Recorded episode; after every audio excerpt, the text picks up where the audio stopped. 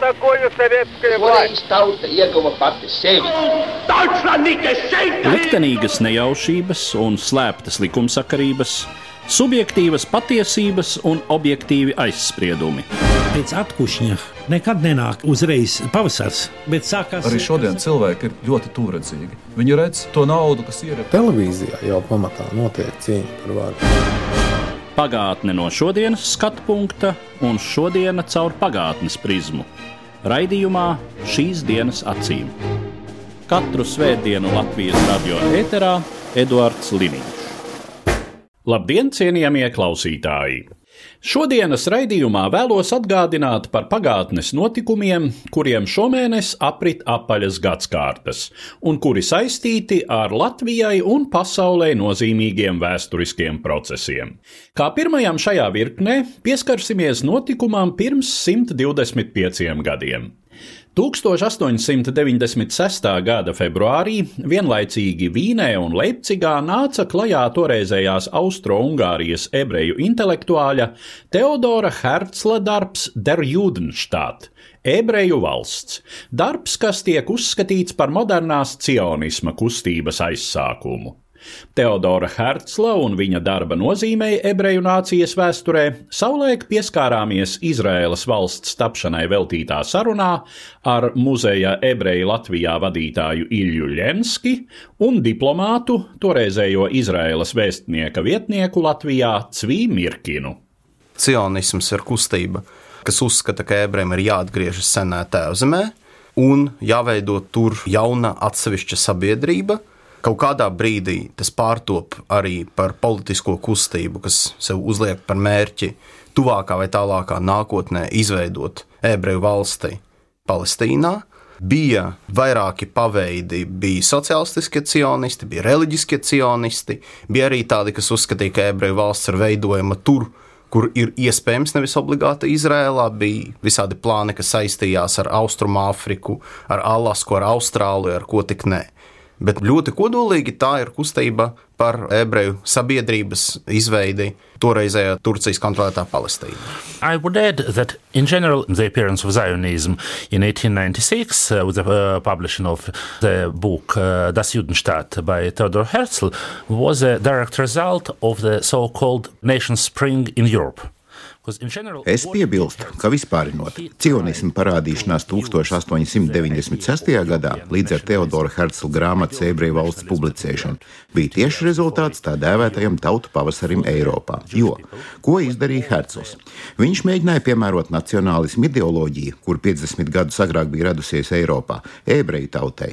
Taču visām tām nācijām, kuras bija piedzīvojušas tautu pavasari, bija savas teritorijas, ebrejiem tādas nebija. Tāpēc Herzls mēģināja izmainīt, jeb modernizēt nacionālismu ideju, lai tā atbilstu ebreju situācijai. Un par spīti tam, ka daļa no cionismu kustības bija reliģiska, tā tomēr pamatā bija eiropeiska sekulāra nacionālisma kustība.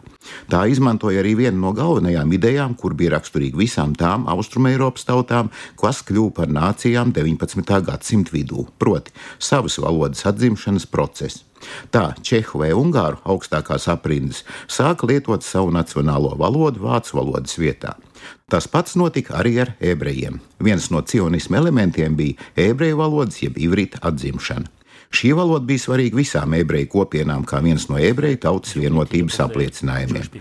Viens no lozungiem, ar kuriem tika radīta cionistu kustība, bija viena valoda vienotai tautai.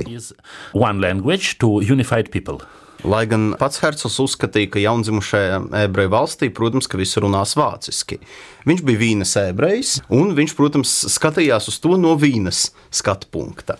Bet, protams, ar laiku viņa uzskatīja arī sāka pamazām mainīties. Lai gan viņam pēc aktīvās politiskās darbības sākuma bija atvēlēti vien daži dzīves gadi, bet viņš tajos gados paveica ļoti daudz. Te nu es vēlētos dzirdēt plašāku raksturojumu tam, kādā situācijā tad tajā brīdī bija ebreju sabiedrība.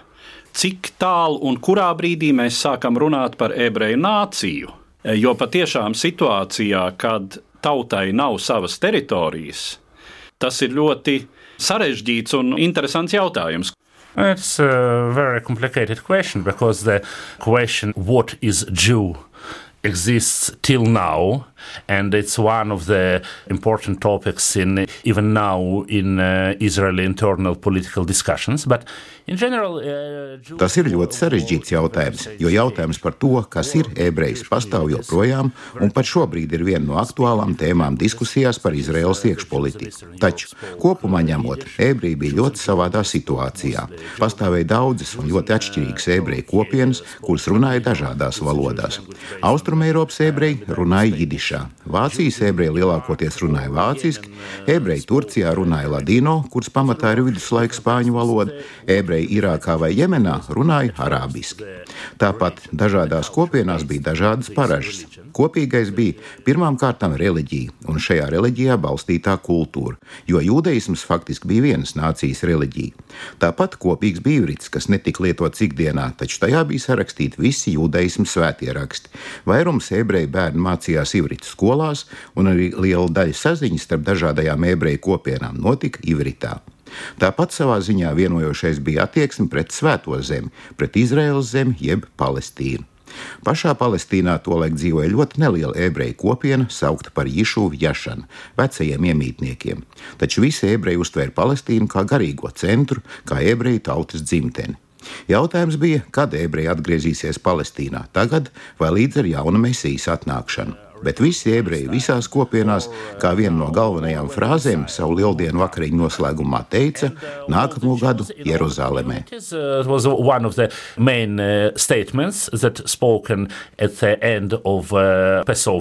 Supper that next were in Jerusalem. Jautājums noteikti ir ļoti komplicēts. Varētu teikt, ka dažādās valstīs uz to mēs varam atbildēt dažādi. Jo, ja kaut kādās zemēs, kā tas notika piemēram Rietumē, Eiropā, Francijā, Nīderlandē, daļai Vācu zemēs, Itālijā. Mēs varam teikt, ka ebreji sevi uzskatīja vai mēģināja vismaz sevi pozicionēt kā lielas politiskās nācijas sastāvdaļu, neakcentējot sevi kā atsevišķo tautu. Lai gan vēsturiski, protams, ka ebreji vai viņi dzīvotu Irākā vai viņi dzīvotu Itālijā, sevi uzskatīja par vienu tautu etniskajā nozīmē, kā mēs šodien teiktu. Austrumēropā situācija bija citāda. Mēs redzam, ka Austrumēropā, tā skaitā daļai Vācu zemēs, bet galvenokārt mēs runājam par Krievijas impēriju, tur bija tendence no varas iestāžu puses uz ebreju etnizāciju, ebreju izslēgšanu no sabiedrības. Ja sākotnēji tā bija izslēgšana reliģiskā, tad nāca liela liberalizācija Aleksandra II valdīšanas laikā, un tad jau Aleksandra III valdīšanas laikā tieši otrādi nāk ļoti strikta represīvā politika, un ebrejus sāk valsts iestādes definēt bioloģiski, ja mēs to varētu teikt. Tas sakrīt ar lielā mērā ar ebreju sabiedrības sekularizāciju, kas nozīmē, ka ebreji gribi, negribi, bet sāk sevi identificēt kā politisko, etnisko nāciju, un lielā mērā, protams, ir svarīgi, ka ebreji gāja universitātēs ļoti aktīvi 19. gadsimta vidū kur ne tikai viņi komunicēja ar citu etnisko grupu pārstāvjiem, bet viņi, protams, smēlās arī jaunās idejas, kā Civili ļoti pareizi pasvītroja. Cionisms bija lielā mērā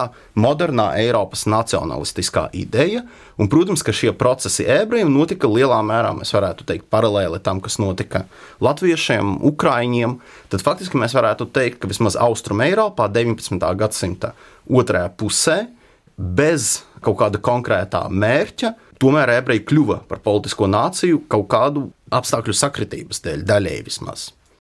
Nākošais notikums, kuram šodien vēlos pievērsties, notika Latvijā pirms 90 gadiem.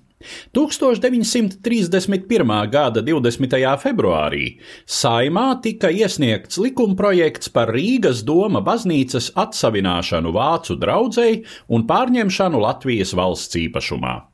Likumprojekta pieņemšana sāsināja attiecības starp latviešu nāciju un Latvijas vācu-baltiešu minoritāti, kā arī Latvijas un Vācijas starpvalstu attiecības.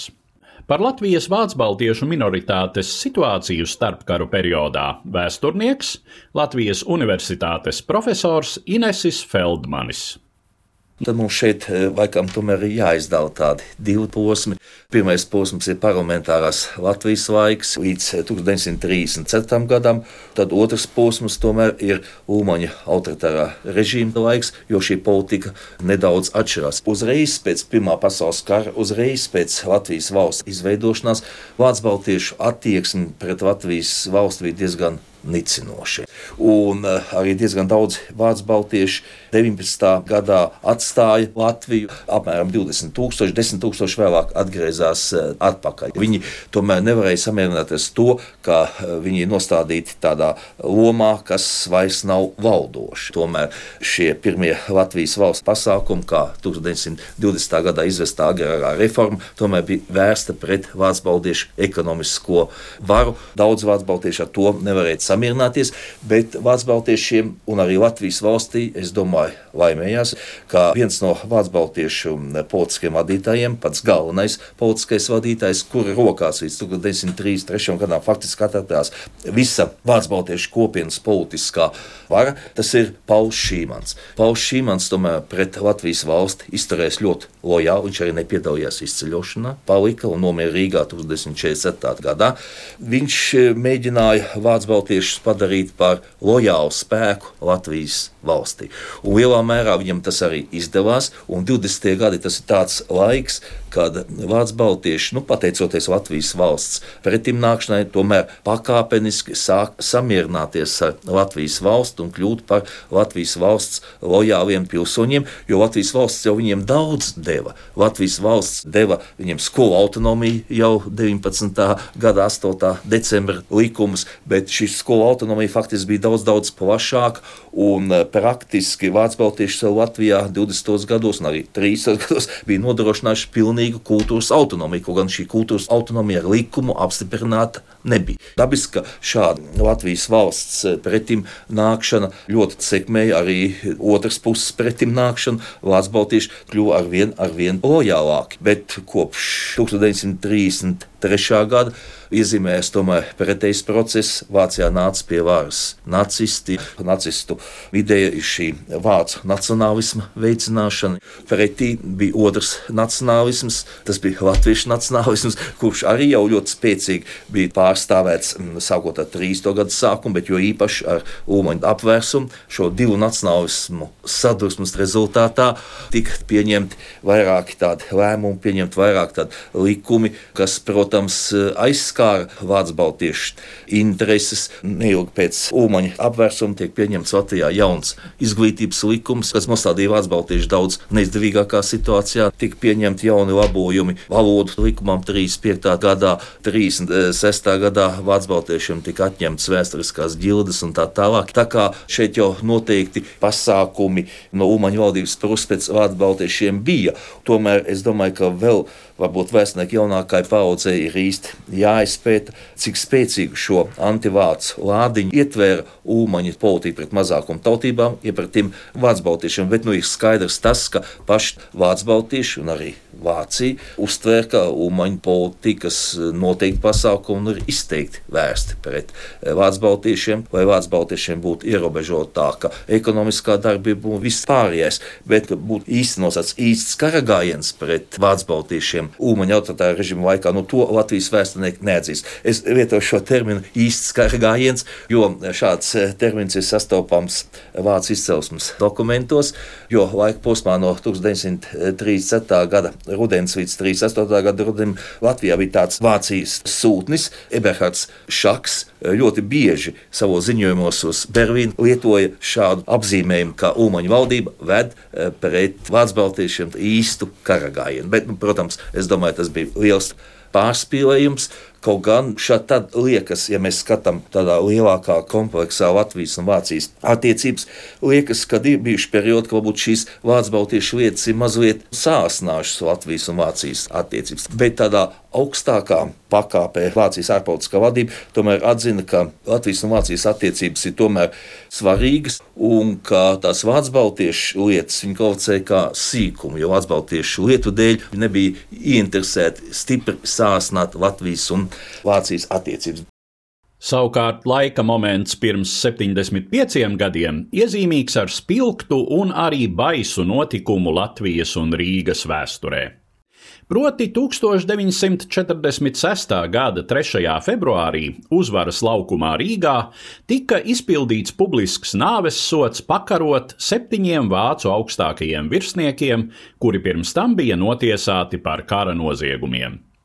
Iezīmīgākā figūra šai grupā bija holokausta noziegumu organizētājs Latvijā un arī citur nacistiskās Vācijas okupētajās teritorijās Friedrichs Jekelns. Un ja par Jekelna soda mēra pamatotību šaubīties nenākas, tad vairākiem citiem apsūdzētajiem sots varētu būt bijis mazāk bargs, ja viņus tiesātu demokrātiskas valsts, nevis Staļiniskās padomju savienības tiesa.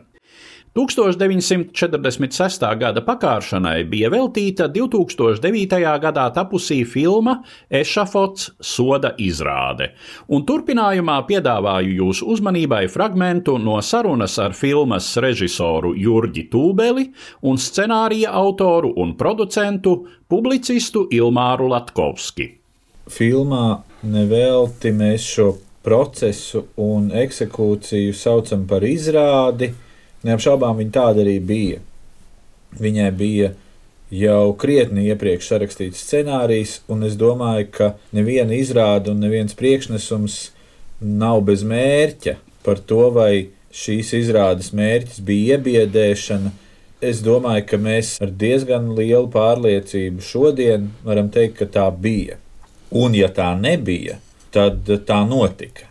Un liecinieki, ar kuriem mēs runājām, kas tagad jau ir cienījamā vecumā, un tajā laikā bija vēl bērni, pat viņi devušies turp it kā intereses dzīti, nevis tādas pārliecības politiskās dēļ, pat viņi tagad atzīst, ka jā, tas ir atstājis neizdzēšamu iespaidu, un tas ir viņiem uz ilgiem gadiem licis to varu cienīt, respektēt un no viņas baidīties. Tāds ir mans vecās mātes piemērs, un tāds, es domāju, ir vēl ļoti daudz cilvēku piemērs. Lielākā Latvijas daļa, es domāju, ka joprojām 20 gadus dzīvojot eh, nosacītā neatkarībā, joprojām dzīvo bailēs. Šeit ir divas lietas, kas mums liek secināt, ka tas bija iebaidīšana. Viena ir, mēs atrodam eh, klasiskas viduslaika soda pazīmes, kur šis iebaidīšanas faktors noteikti ir. Un otra lieta, kā Jurģis teica, tie ir atsliecinieki, kur to atzīst. Tas ir diezgan tāds, varbūt, iracionāls process. Tur ir kaut kādas, varbūt pat nedefinējamas bailes, bet viņiem tas ir tāds šaušalīgi iespēja atstājis, un viņi atzīst, ka tai nācies sadzīvot ar tādu zināmā mērā dubultu morāli.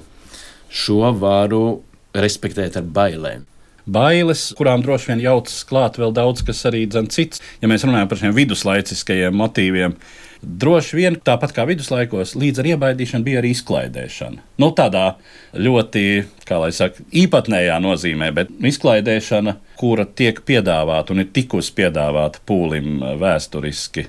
Noteikti. Tas gan vairāk Krievijā, varbūt arī zināmai tautas daļai, protams, arī Rīgā bija nepieciešams gandarījums par patiesi milzīgo postu, par tām šausmām, ko tie cilvēki tika pārdzīvojuši nekādu ekonomisko vai citādu kompensācijas jau viņi nevarēja saņemt. Tad vajadzēja parādīt, ka tām ienaidniekam nodevējiem tiek atmaksāts nu tā, pēc pilnas programmas maksimāli. Jā, jā, jo citu līdzekļu jau nebija kā pielikt treknu punktu, lai visa tauta pēc iespējas vairāk cilvēku saprastu, ka nu tagad pavisam un ir beidzies.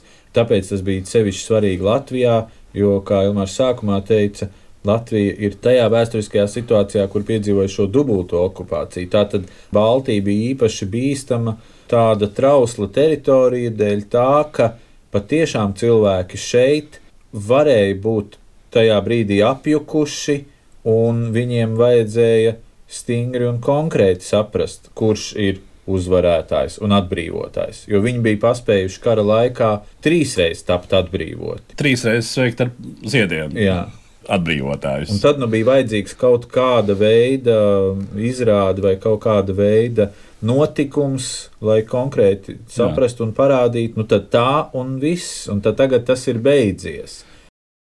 Visbeidzot, mūsu raidījumā vēlos atgriezties 60 gadus senā pagātnē, proti 1961. gadā kad visu Latvijas iedzīvotāju ikdienu nozīmīgi ietekmēja tobrīd Padomju Savienībā notiekošā naudas reforma. Par to, kā funkcionēja padomju valsts finanšu sistēma, kā padomju režīms īstenoja savu finanšu politiku un kāda bija tās ietekme uz iedzīvotājiem, savulaik raidījumā Nauda laiku lokos stāstīja vēsturniece Rīgas Stradiņa Universitātes profesore Daina Blējere. Naudas aprite bija tas jautājums, kas patiesībā PSRS vadību pēc kara ārkārtīgi uztrauca. Tāpēc, ka pirmkārt bija ārkārtīgi liela inflācija. Kara laikā, protams, visi militārie izdevumi lielā mērā tika sekti pazeminot naudas vērtību. Lai stabilizētu naudas sistēmu, protams, zināms mehānisms bija iedzīvotāju normētā apgāde. Taču vienlaicīgi bija tā problēma, kā izdabūt no iedzīvotājiem naudu. Un īpaši Staļina laika politikas galvenais princips bija tas, ka faktiski valsts izdevumi tika finansēti lielā mērā uz iedzīvotāju rēķina. Tā kā ārējos kredītus principiāli neņēma vai nebija iespējams ņemt, tad no kurienes varēja būt ienākumi? Ienākumi varēja būt tātad no rūpniecības, lauksaimniecības, tirniecības un no iedzīvotājiem. Un no iedzīvotājiem tika izsūktas ļoti lielas naudas summas, gan teiksim, tiešo nodokļu veidā, gan arī ar tādu pasākumu kā ikgadējās parakstīšanās uz valsts aizņēmumiem, kas bija valsts iestādēs strādājošiem vienas mēneša algas apjomā. Parēķiniet, tā ir viena 12. daļa no gada ienākumiem. Un dažiem augstāk apmaksātajiem bija jāparakstās arī uz pusotrām, divām mēneša algām. Lielākais un ārkārtīgi konfiscējošs pasākums tā bija 1947. gada beigās naudas reforma. Naudas reforma iepriekš netika izziņota. Tā notika no 16. līdz 22. decembrim. Protams, kaut kāda noplūde jau bija, un bija cilvēki, kas kaut ko par to zināja, un kas mēģināja, piemēram, iemaksāt naudu krājkasēs vai izpirkt preces, bet nu ne visiem bija šādas iespējas, un ne visi arī par to īsti zināja. Skaidrā nauda tika mainīta proporcija 10 pret 1. Tātad par desmit vecajiem rubļiem deva vienu jauno rubli. Noguldījumi krājkasēs, kas bija līdz zināmai summai, mainīja viens pret vienu, bet pēc tam viens pret divi un lielākām summām viens pret trīs. Tika diskriminēta arī kolhozi un kooperatīvās organizācijas, jo, ja piemēram solhoziem, tāpat kā valsts uzņēmumiem, naudas līdzekļus, kas bija banku kontos un viņu kasēs uzņēmumos, mainīja viens pret vienu, tad kolhoziem un kooperatīvajām organizācijām šī proporcija bija neizdevīgāka. Latvijā lielā mērā cieta zemniecība.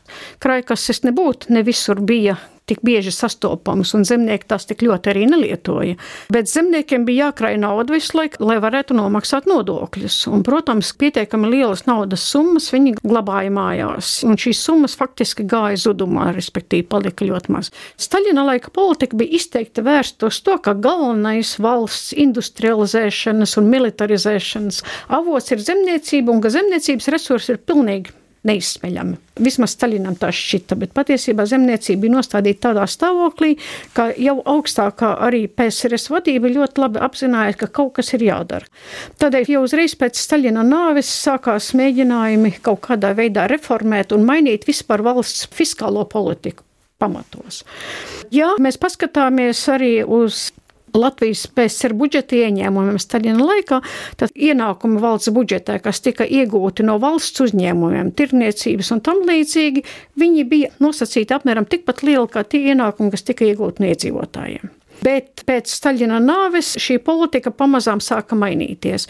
Sevišķi tas attīstījās Hruščova laikā, kad Hruščovs 56. un 57. gadā ieguva vairāk vai mazāk neierobežotu varu. Politika bija tāda, ka slogu uz iedzīvotājiem pamazām mazināta samazināt nodokļus, un tika pat pieņemts lēmums vispār atcelt nodokļus, eventuāli tālākā nākotnē. Tātad, ja 1980. gadā komunismam bija jābūt uzceltam, tas nozīmē, ka līdz tam laikam bija jāceļ nodokļi un palielināt iedzīvotāju algas.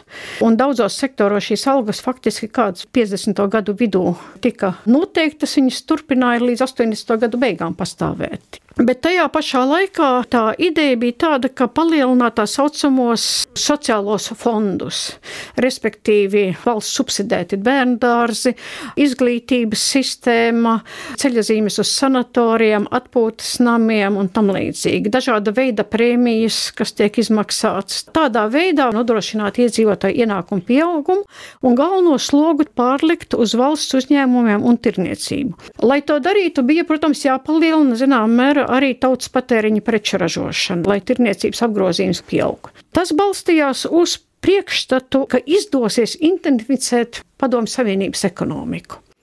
Bija patiešām optimisms, un daudz ekonomisti arī saka, ka tieši šis periods ir vienīgais bijis Padomu Savienības vēsturē, kad ekonomika reāli augus relatīvi straujiem tempiem.